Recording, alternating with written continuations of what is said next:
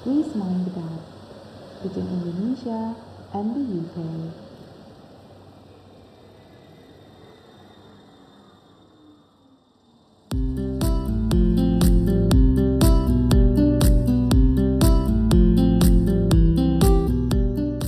Mind the Gap is a student podcast hosted by students to bring you mindful day-to-day conversation from Indonesian students in the UK. My name is Beth, postgraduate student at Imperial College London. And my name is Angel, postgraduate student at University College London. And our writer Tamara.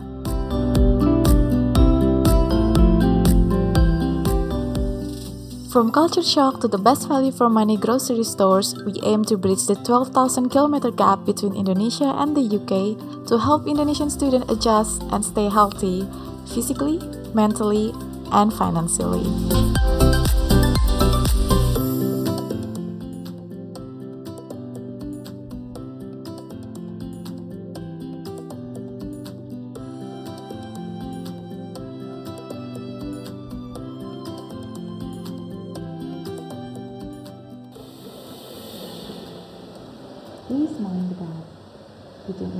And the UK.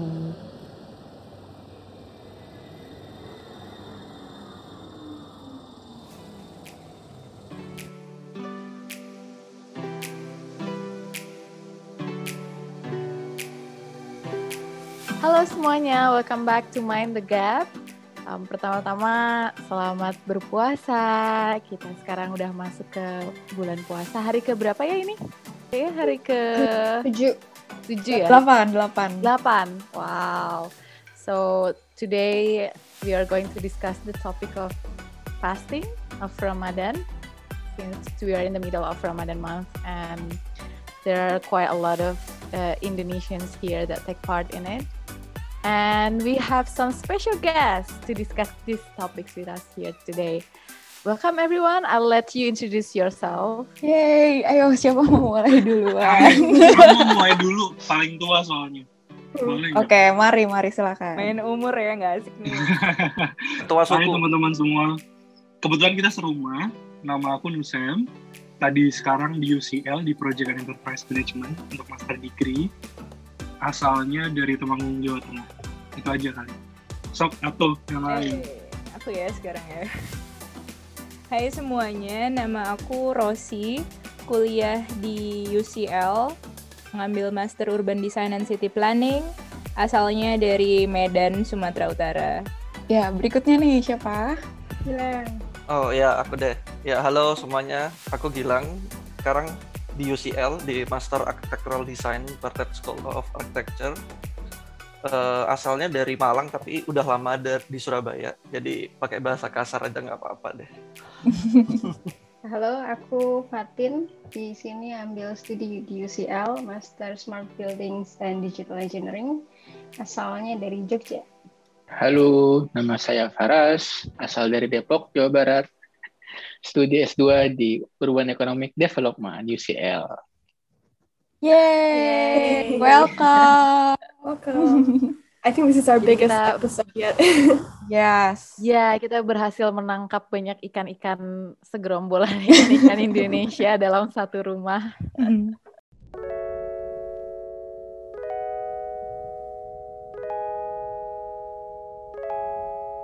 Pertama-tama aku penasaran sih eh, kalian kenal satu sama lain tuh gimana awalnya? Like gimana bisa jadi tiba-tiba jadi setinggal satu rumah? Emang udah kenal sebelumnya atau gimana? Ini silakan Mbak Rosi yang jawab. Mbak Rosin. Pertama-tama itu aku kenalnya yang paling pertama itu kenal Fatin karena aku nge-up iklan di grup-grup award di LPDP tahun 2020.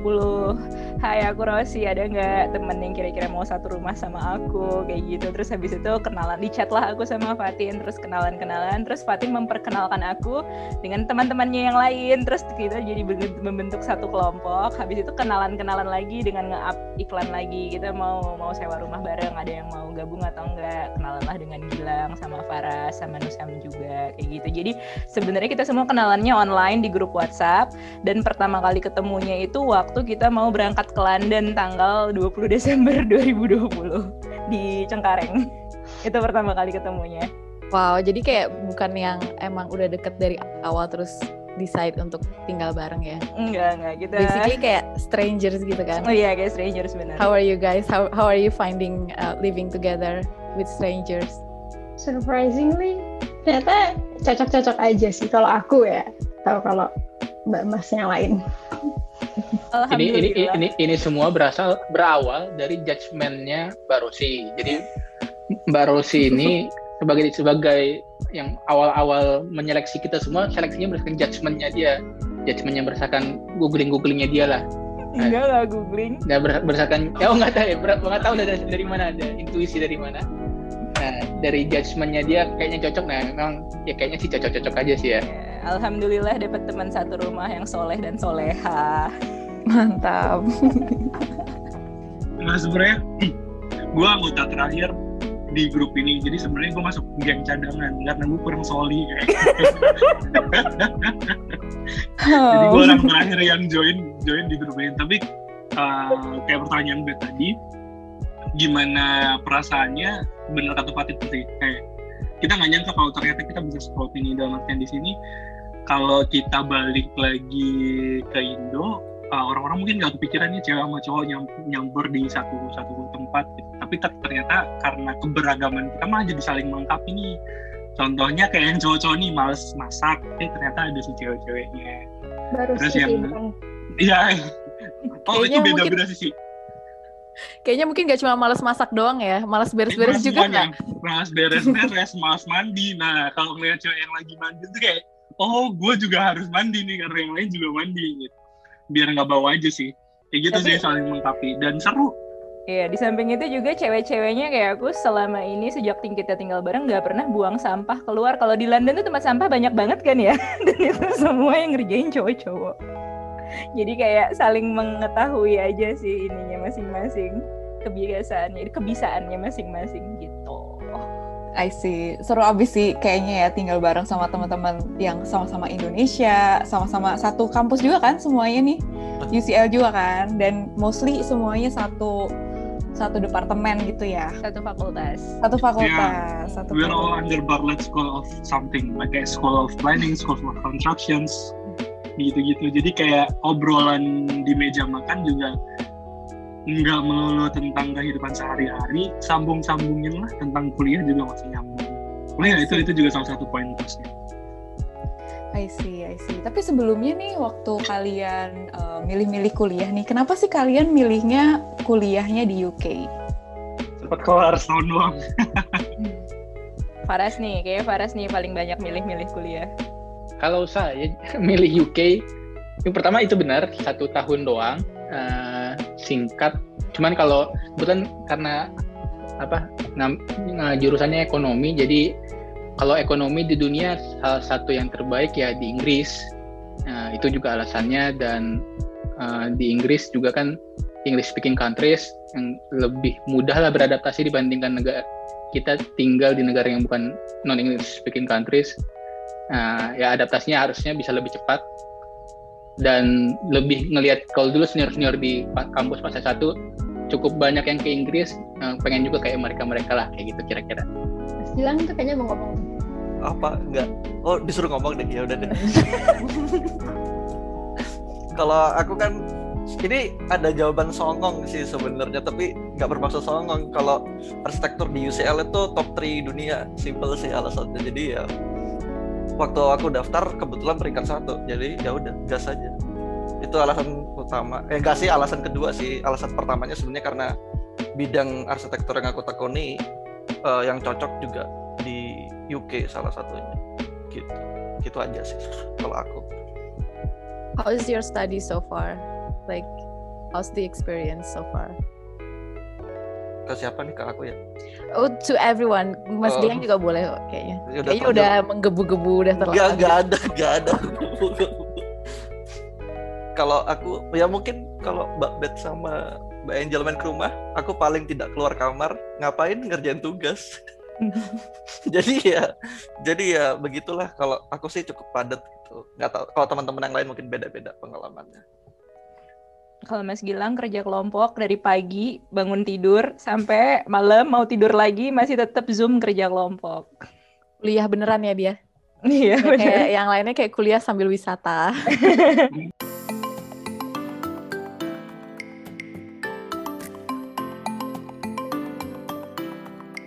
And kan hari ini topiknya memang uh, tentang Ramadan dan puasa gitu. And in case there's a, any of our listeners who's unaware of what Ramadan is, uh, ada yang mau explain to us like what it is and what we have to do for it? Ayo, santri, santri. Ras Mas Faras ini. Iya, Ramadan. Ini kan pendengarnya beragam ya. Jadi ya Ramadan salah satu bulan bulan yang suci yang ada dalam ajaran agama Islam yang penuh keberkahan lah kalau di ajaran Islam kita diajarinnya begitu. Nah, dan di pada bulan ini kita di yang muslim diwajibkan untuk menjalankan ibadah puasa yang sebenarnya tidak hanya tidak hanya uh, makan, tidak minum dan tidak uh, melakukan hal-hal yang seksual seperti itu, tapi tidak hanya itu sebenarnya, tapi lebih kepada esensinya lebih menahan nafsu, menahan nafsu kita yang nafsu duniawi lah kira-kira begitu.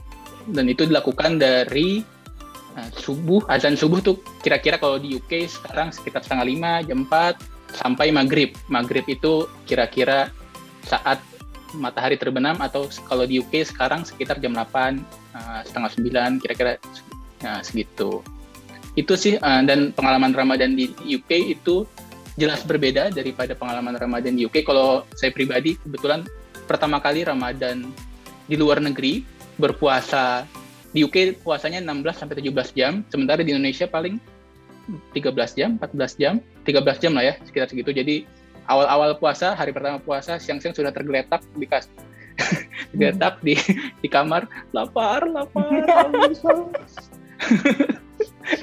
karena bahan lebih panjang. Enggak itu bercanda. Tapi tapi memang pertama hari pertama hari awal-awal puasa lebih lebih lap, ya lapar dan haus lah. Ke awal-awal adaptasi. Tapi ya sekarang sudah masuk ke delapan. Mulai bisa beradaptasi. Tapi ya mohon doanya supaya lancar-lancar terus puasanya dan ini um, like it, go, it goes on for a month, right? Iya, oh iya, iya. Uh, sebulan penuh. Kalau tahun 2021 ini dari 13 April sampai 12 Mei. Gimana so far puasanya? Masih udah masih bolong eh, masih penuh kan belum belum bolong. Nah, jadi uh, sebentar masuk ya. Jadi kalau yang uh, bagi lak- laki-laki yang tidak oh, defaultnya defaultnya semua wajib gitu ya. Defaultnya semua wajib bagi semua muslim. Tapi ada beberapa pengecualian. Uh, misalnya ba- buat uh, perempuan yang lagi menstruasi atau haid itu tidak melakukan puasa, tidak ada kewajiban puasa, tapi nanti ada puasa pengganti setelah Ramadan selesai, diganti sesuai dengan hari yang tidak puasanya. Nah itu contohnya yang sudah yang sebenarnya dari awal tidak puasa ini Fatin, mungkin Fatin yang bisa cerita uh, yang sejak awal kenapa nggak puasa gitu-gitu. Alasan nggak puasanya ya bener yang kamu sebutin tadi sih mas. Besok tomorrow will be my first day. Jadi aku belum belum ngerasain nih belasan jam tidak makan berapa ya 15-an jam ya. Besok tuh pertama kali. Nah kalau teman-teman yang udah puasa Rosi dan yang lain mungkin bisa menceritakan pengalamannya kemarin puasa gimana sekalian buat aku siap-siap besok. Pengalaman puasanya hari pertama kayak kata Faras tergeletak, lapar, lapar, lapar. Jam 4 sore udah udah turun-turun ke dapur nyiap-nyiapin makanan padahal buka puasanya masih jam 8 malam. Terus hari kedua, hari kedua pusing karena kurang makan. Baru hari ketiganya udah mulai terbiasa, hari keempatnya juga udah mulai terbiasa. Terus belakangan kayak tiga hari belakangan London lebih panas ya suhunya kayak 13 derajat sampai 16 derajat jadi agak terasa lebih haus tapi karena udah hari-hari ke 6 ke 7 gitu jadi udah mulai lebih terbiasa juga. Yang paling ngebedain adalah durasinya 2 3 4 jam lebih panjang dari Indonesia dan semakin nanti ke minggu-minggu terakhir semakin panjang lagi durasinya karena di London semakin cerah dan semakin panas gitu sih. Tapi kalian ada kayak tradisi-tradisi yang um, mungkin kalian jalanin waktu di Indonesia, terus sekarang kalian jalanin di UK gitu nggak sih? Ada tradisi yang sama nggak? Ada ada. Kita makan kurma dan kita minum sirup kalau buka puasa. minum sirup merah pakai nata de coco. Jadi kalau di Medan itu pakai sirup kurnia, kalau di Jawa itu pakai sirup marjan. Dan terus habis itu kita kayak penasaran gitu di London di UK bisa dapet sirup apa ya. Terus kayak uh, kemarin kita pergi bareng ke cari ke supermarket gitu, akhirnya dapet sirup merah juga. Tapi kita nggak kenal itu itu merek apa rasa apa. Yang penting warnanya merah, jadi kita beli. Dan itu kita konsumsi setiap buka puasa sekarang di rumah kita. Oh itu ada artinya atau cuma because you like it. Hale, Hale, mereknya Hale. Oh, mereknya Hale. Hale.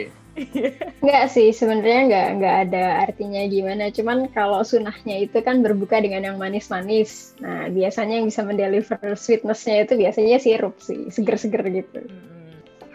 Mungkin kalau di Indo itu kan banyak makanan buka puasa ya. Maksudnya kalau buka puasa di Indo itu kayak festif gitu kan. Setiap jam 4, jam 5 ada ngabuburit. Terus kayak banyak makanan kayak bubur mutiara lah, um, sop buah lah, uh, gorengan gitu ya. Terus kalau di sini menu buka puasanya selain tadi sirup itu, kalian pada makan apa kalau lagi buka? Nah itu tuh, kita mesti kreatif itu. Indomie. sama kayak anak kos lain sih Bet jadi tinggal lagi pengen apa aja. Misalkan lagi pengen rendang pengen ikan cakalang ya tinggal sesuaiin aja indominya merasa itu. Ya bercanda. Jadi benar kita juga istilahnya buat ngingetin kita sama suasana Ramadan di Indonesia kita juga ngelakuin ngabuburit tuh biasanya. Jadi kadang-kadang kayak kita belanja dulu nih belanja. Dan untungnya kan di UK banyak banget kayak frozen food kan atau sebenarnya ready serve food kayak iya. Mungkin agak beda menunya sama kayak yang di Indo. Mungkin gak ada kue cucur nggak ada kue apa sorry tadi bubur mutiara. Tapi kita makan makan makan makanan snack juga kayak kayak ya roti kue kue itu juga kita makan. Jadi istilahnya kita tetap dapat ngabuburitnya kita dapat snacknya kan ada banyak restoran Indo juga di London udah pergi coba belum? Oh iya ada. Uh, ada beberapa tapi uh, kalau di mention ntar disangkain endorse ya. Jadi ada beberapa di Camden Town ada satu restoran Indo yang yang semua anak London pasti tahu lah. Terus ada beberapa juga yang yang suka delivery food tapi kita belum pernah nyoba sih karena kita punya chef Rossi jadi kalau kita pengen apa tinggal request sama dia so. kalau aku juga pesan boleh nggak? Bisa tuh ongkirnya kayak lebih mahal dibandingin harga makanannya tapi ya. Tapi untung serumah sih ya jadi kayak buka puasa bisa bareng. Terus juga yeah. kayak kalau kuliah gitu juga belum ketemu sama teman-teman kuliah kan jadi nggak nggak nggak kayak nggak makan sendiri gitu loh ya itu enaknya kita tinggal bareng uh, apalagi selama Ramadan apalagi selama lockdown eh, pandemi gitu ya. Uh, kan itu salah satu tantangan juga orang kesepian misalnya. Yang mana Ramadan itu merupakan suasana tadi festif ramai hangat kekeluargaan. Dan kalau merantau ke luar negeri sendiri lockdown kan sepi gitu kan sedih gitu kan Nah ini kan ada rame-rame, jadi ada ada aja yang diomongin, dibincangkan, gitu-gitu sih. Sebenarnya lebih ke memperbincangkan kita makan apa ya. Emangnya how do you guys balance kalau misalnya lapar like throughout the day gitu? How do you work when you're hungry? Because I can't do that at all. Tidur. Ditahan. Ditahan. Ditahan. Gak ada pilihan lagi. Ditahan, dinikmati kelaparannya tapi bisa dibilang ada satu istilahnya kayak long way proses sih. Kalau aku personally emang anaknya agak sedikit lemah ya. Maksudnya gampang lapar gampang minum gampang males. Di Indo tuh kayak makan sehari mungkin bisa lima kali tapi porsinya emang dikit-dikit. Cuman ini kan kita uh, sorry kita berangkat ke London itu kan dari September. Baru puasanya kita dapat di bulan April. Jadi kayak di awal-awal itu kan uh, kita udah istilahnya kayak udah struggle dulu nih kita ketemu sama winter kita ketemu sama makanan-makanan mahal jadi kayak kita udah kebiasa buat nahan diri di awal gitu. Jadi proses kebiasaan itu ke bawah sampai ke Ramadan jadi uh, bisa dibilang mm, jadi lebih ringan sih. Karena kita bisa dibilang udah udah latihan dulu nih di bulan-bulan sebelumnya. Kalau aku personally kayak gitu. Apalagi uh, emang kita empat jam lebih lama tapi kita bisa ngelakuin banyak hal sih. Kayak yang dulu di Indo mungkin ngabuburit cuma buat beli bukaan atau sorry beli makanan buat buka. Tapi kalau di London kebetulan uh, banyak banget kan kayak tempat-tempat yang bisa kita kunjungin. Apalagi pas Ramadan pas banget hari pertama uh, lockdownnya is jadi uh, kita udah bisa ngedatengin toko-toko non esensial yang sebelumnya kita nggak bisa kunjungin. Jadi itu bener-bener ngabisin waktu yang nggak kita nggak bikin kita nggak kerasa haus sama lapar lagi. Jadi itu sih uh, selama tujuh hari ngerasa beruntungnya ke arah situ dan manage-nya ke arah situ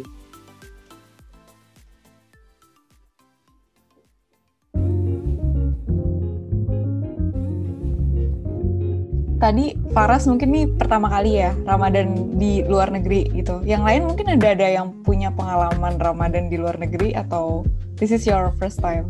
Okay. Belum pernah kita semua masih pertama kali nih puasanya nggak di Indonesia. Apa sih bedanya puasa di luar negeri sama di Indo? Selain jamnya adalah keberadaan ibu kita kali ya.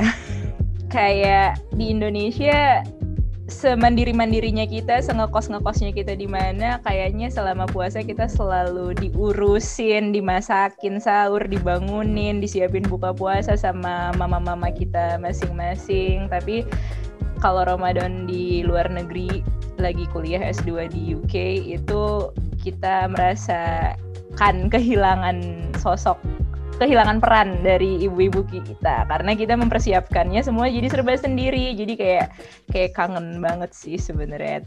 Gimana yang lain coba? Iya sama sih. Kira-kira juga kerasa kerasa bedanya itu rutinnya sih. Kalau biasanya habis buka puasa terus buka puasa family dinner di satu meja ngobrol sebentar terus sholat maghrib sholat tarawih. Nah biasanya aku habis sholat tarawih kita nanti ada kumpul lagi buat supper jadi habis buka masih ada supper terus ngobrol-ngobrol baru habis itu balik lagi ke rutinitas masing-masing. Gitu. Jadi kayak it's a big family event kalau di Indo gitu ya? Ya. Yeah. yeah, at least here you guys have each other you know? Ya, ya jadi karena kita tinggal barengnya ini kita jadi keluarga satu keluarga yang lain. Yeah. Tapi gimana so far kayak nge-manage komunikasi sama keluarga atau misalnya sama uh, partner yang di Indo gimana? Soalnya kan kayaknya jam mereka buka itu kita masih siang-siang, terus habis itu kayak jam mereka sahur kan kita baru buka, ya nggak sih? Iya, kita buka puasa di sini sekitaran jam 8-an gitu mereka tengah sejam sebulan se sejam sebelum sahur gitu. Ya itu makanya kalau kita mau kontak-kontakan sama keluarga misalnya uh, yang ada di Indonesia kita ngecek dulu kan uh, sekarang jam berapa sih di Indonesia gitu. Dan kalau saya sendiri pengalaman pertama uh, waktu itu hari pertama puasa eh ya hari pertama puasa jadi maghrib kemudian uh, isya taraweh. Nah setelah taraweh itu sekitaran jam 10 selesai itu pas lagi keluarga di rumah lagi uh, sahur. Jadi uh, kita baru selesai makan kenyang uh, sholat uh, taraweh mereka lagi makan sahur itu apa ya ya ngangenin lah kayak gitu. Karena kan biasanya kita bareng mereka tapi ternyata sekarang sudah jauh. Meskipun sekarang sudah ada bantuan teknologi ya yang bisa lebih mendekatkan tapi tetap aja kan uh, rasanya beda nggak barengnya itu ada satu cerita lucu sih. Jadi tadi Rosi sempat sempat sempat mention kalau memang salah satu hal yang kita rindukan itu adalah our parents presence ya. Mesti kayak uh, kita ngalamin beberapa hari kayak benar-benar kalau dulu buka mata buat sahur kayak bangun langsung ada sediain makanan kalau sekarang benar-benar nyiapin sendiri. Dan kayak kita ini udah mau makan dua korban btw jadi kayak Rosi sama Gilang tangannya kayak iris gitu karena emang emang kita setengah sadar dan nyiapin sahur. Jadi emang nggak cuma mungkin mentally kangen tapi kita kayak physically juga asik. Oh. Kena pisau. Kena pisau. Tunjukin juga dong Mas Gilang kamu kena pisaunya mana Gilang lebih parah sih. Ini mah gara-gara cuci piring, bukan gara-gara masak ini. kena oven, kena lebih, oven. Lebih, lebih, lebih tragis. Dan mungkin ada satu hal lagi yang sebenarnya paling kita kangenin. Suara azan mungkin kali ya. Oh itu nah, benar banget. Jadi kalau iya, benar, benar banget. Iya kan. Kalau di Indo tuh uh, yang benar-benar kayak momen kita sadar kayak Ih, ini tuh Ramadan tuh ya bener-bener karena seringnya suara azan sama sering banget masjid tuh uh, muterin ayat-ayat Al-Quran. Nah di sini kan kita sama sekali enggak ya. Jadi kayak momen kita habis masak buat nunggu buka tuh tiba-tiba eh kok udah buka aja gitu. Kalau di Indo tuh kayak ada preparation kayak kayak ada ngajinya dulu, habis itu ada azannya dulu. Ada beduknya mas. Ada beduknya bener, ada beduknya dulu. Tapi kemarin aku notice ada salah satu temen yang tinggal di zone 3 London di daerah Finsbury Park. Dia kayak update instastory kalau mereka ngedenger azan. Jadi in case teman-teman yang di London atau teman-teman di Indo nanti pengen uh, kuliah di London, mungkin kalau kangen sama suara azan selain bisa buka YouTube, kalau mau feel yang bener-bener asli, ke area Finsbury Park gitu aja.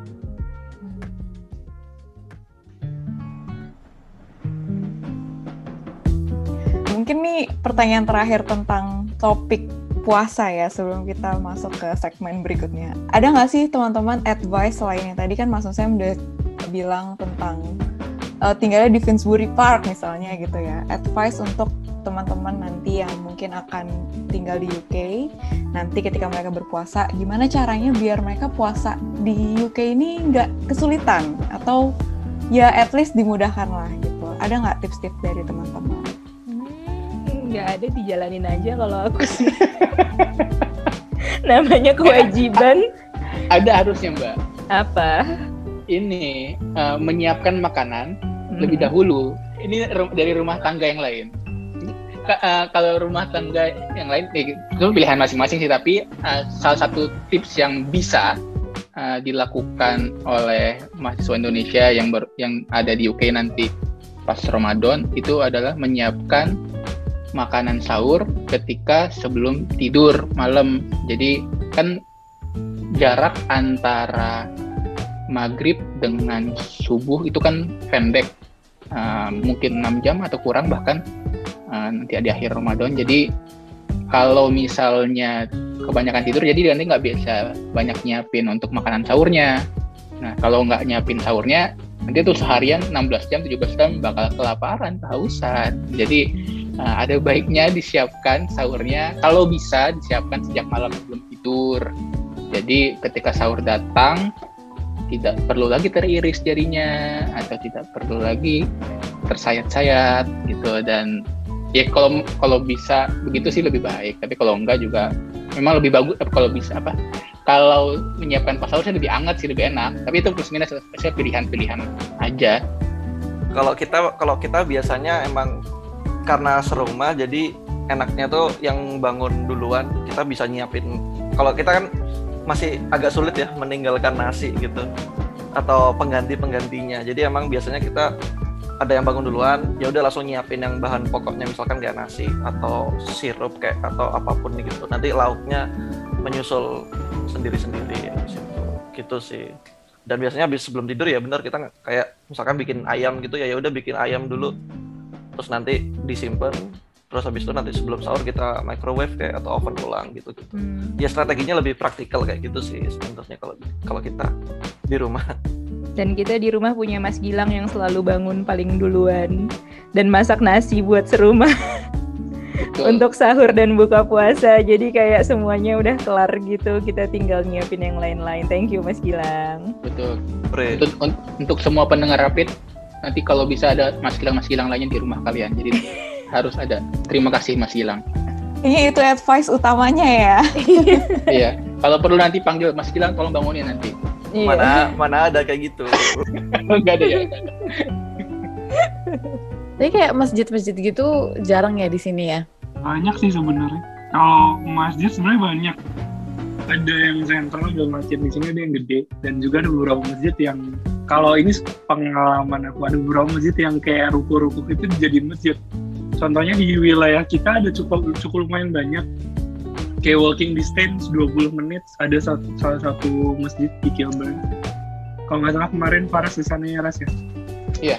Kalau aku personally lebih prefer ke masjid yang gede karena tujuannya adalah sembari jalan-jalan. Dan yang lumayan bagus itu di Central Central London Mosque itu dekat Regent's Park dan cukup ramai dan bisa ketemu banyak orang juga di sana. Oke, mudah-mudahan nanti bisa udah bisa sholat id bareng ya. Kayak nggak nggak sholat id di rumah masing-masing lagi. Alhamdulillah di rumah kita ada Bapak Faras yang mengimami kita sholat Isya dan Taraweh setiap hari. Jadi kita tetap punya jamaah di sini. Biarpun kangen sama masjid kita di rumah masing-masing, kangen sama kebersamaan tetangga-tetangga kita di rumah di Indonesia, tapi kita tetap bisa punya suasana seperti itu di sini. Jadi alhamdulillah.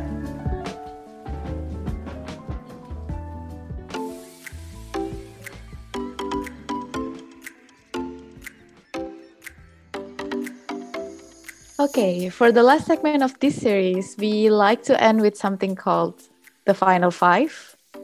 These are rapid fire questions, so you have to answer in one word or one sentence maximum.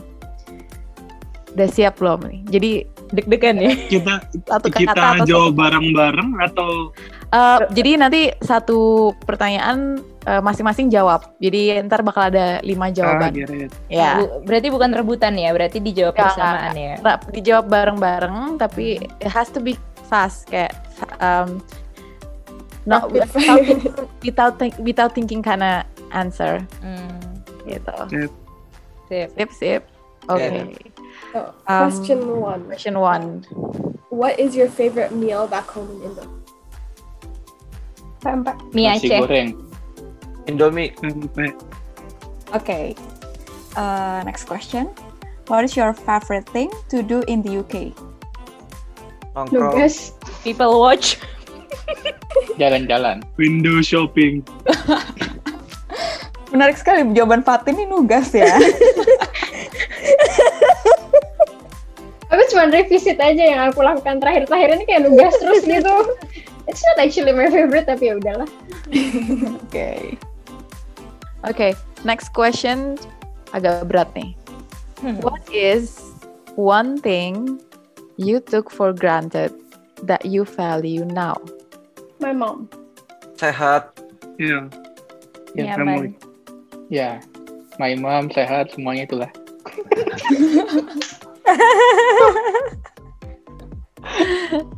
Idem ya tadi- idem Tadi nggak Iya. Baru sih belum jawab kayaknya Udah, senyum-senyum udah ya Iya, tadi aku aku jawab nyaman. Oke. Okay. next uh, question Next question. What are you most excited about for the future? aduh Pasti. Being in a relationship, I mean like My my future. unpredictable goals setelah kita kan masih nikah ya probably nikah like marriage life Hmm. Oh gitu Mas Nusel. Oh, oke gitu ya mas ya Mau dibahas juga nggak Oh. kira-kira ini? Oh, Japri aja malah nggak Japri Japri. Yang lain belum jawab nih. oh itu unpredictable moment Saya bisa semoga bisa Euro trip. Kita aminkan semuanya ya. amin, amin. amin Dan dan kalau bisa sekalian juga ke Maroko. bersama pasangan baru amin amin amin sumpah amin amin amin amin amin kalau itu Sambungin sambungin terus. amin amin amin Terakhir ya. One main message to all incoming students who want to study in the UK. semangat Be brave. prepare your mental health Jangan sia-siakan waktu karena cuma setahun. Eh, Mas Faras bener banget. Eh, jangan takut repot juga. Kecuali kan if you uh, if you take a bachelor's, you have three years, so you can waste time. Oh iya, Iya, iya, iya, iya. iya. Itu tadi untuk S2, itu tadi untuk S2. Iya.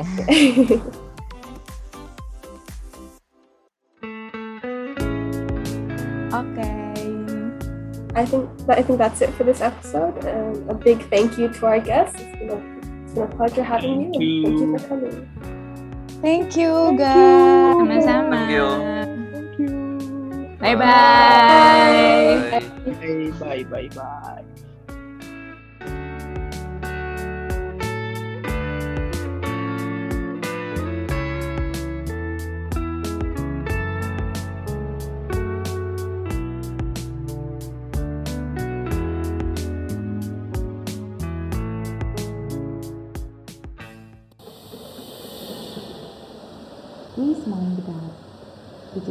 Please mind that between Indonesia, and the UK.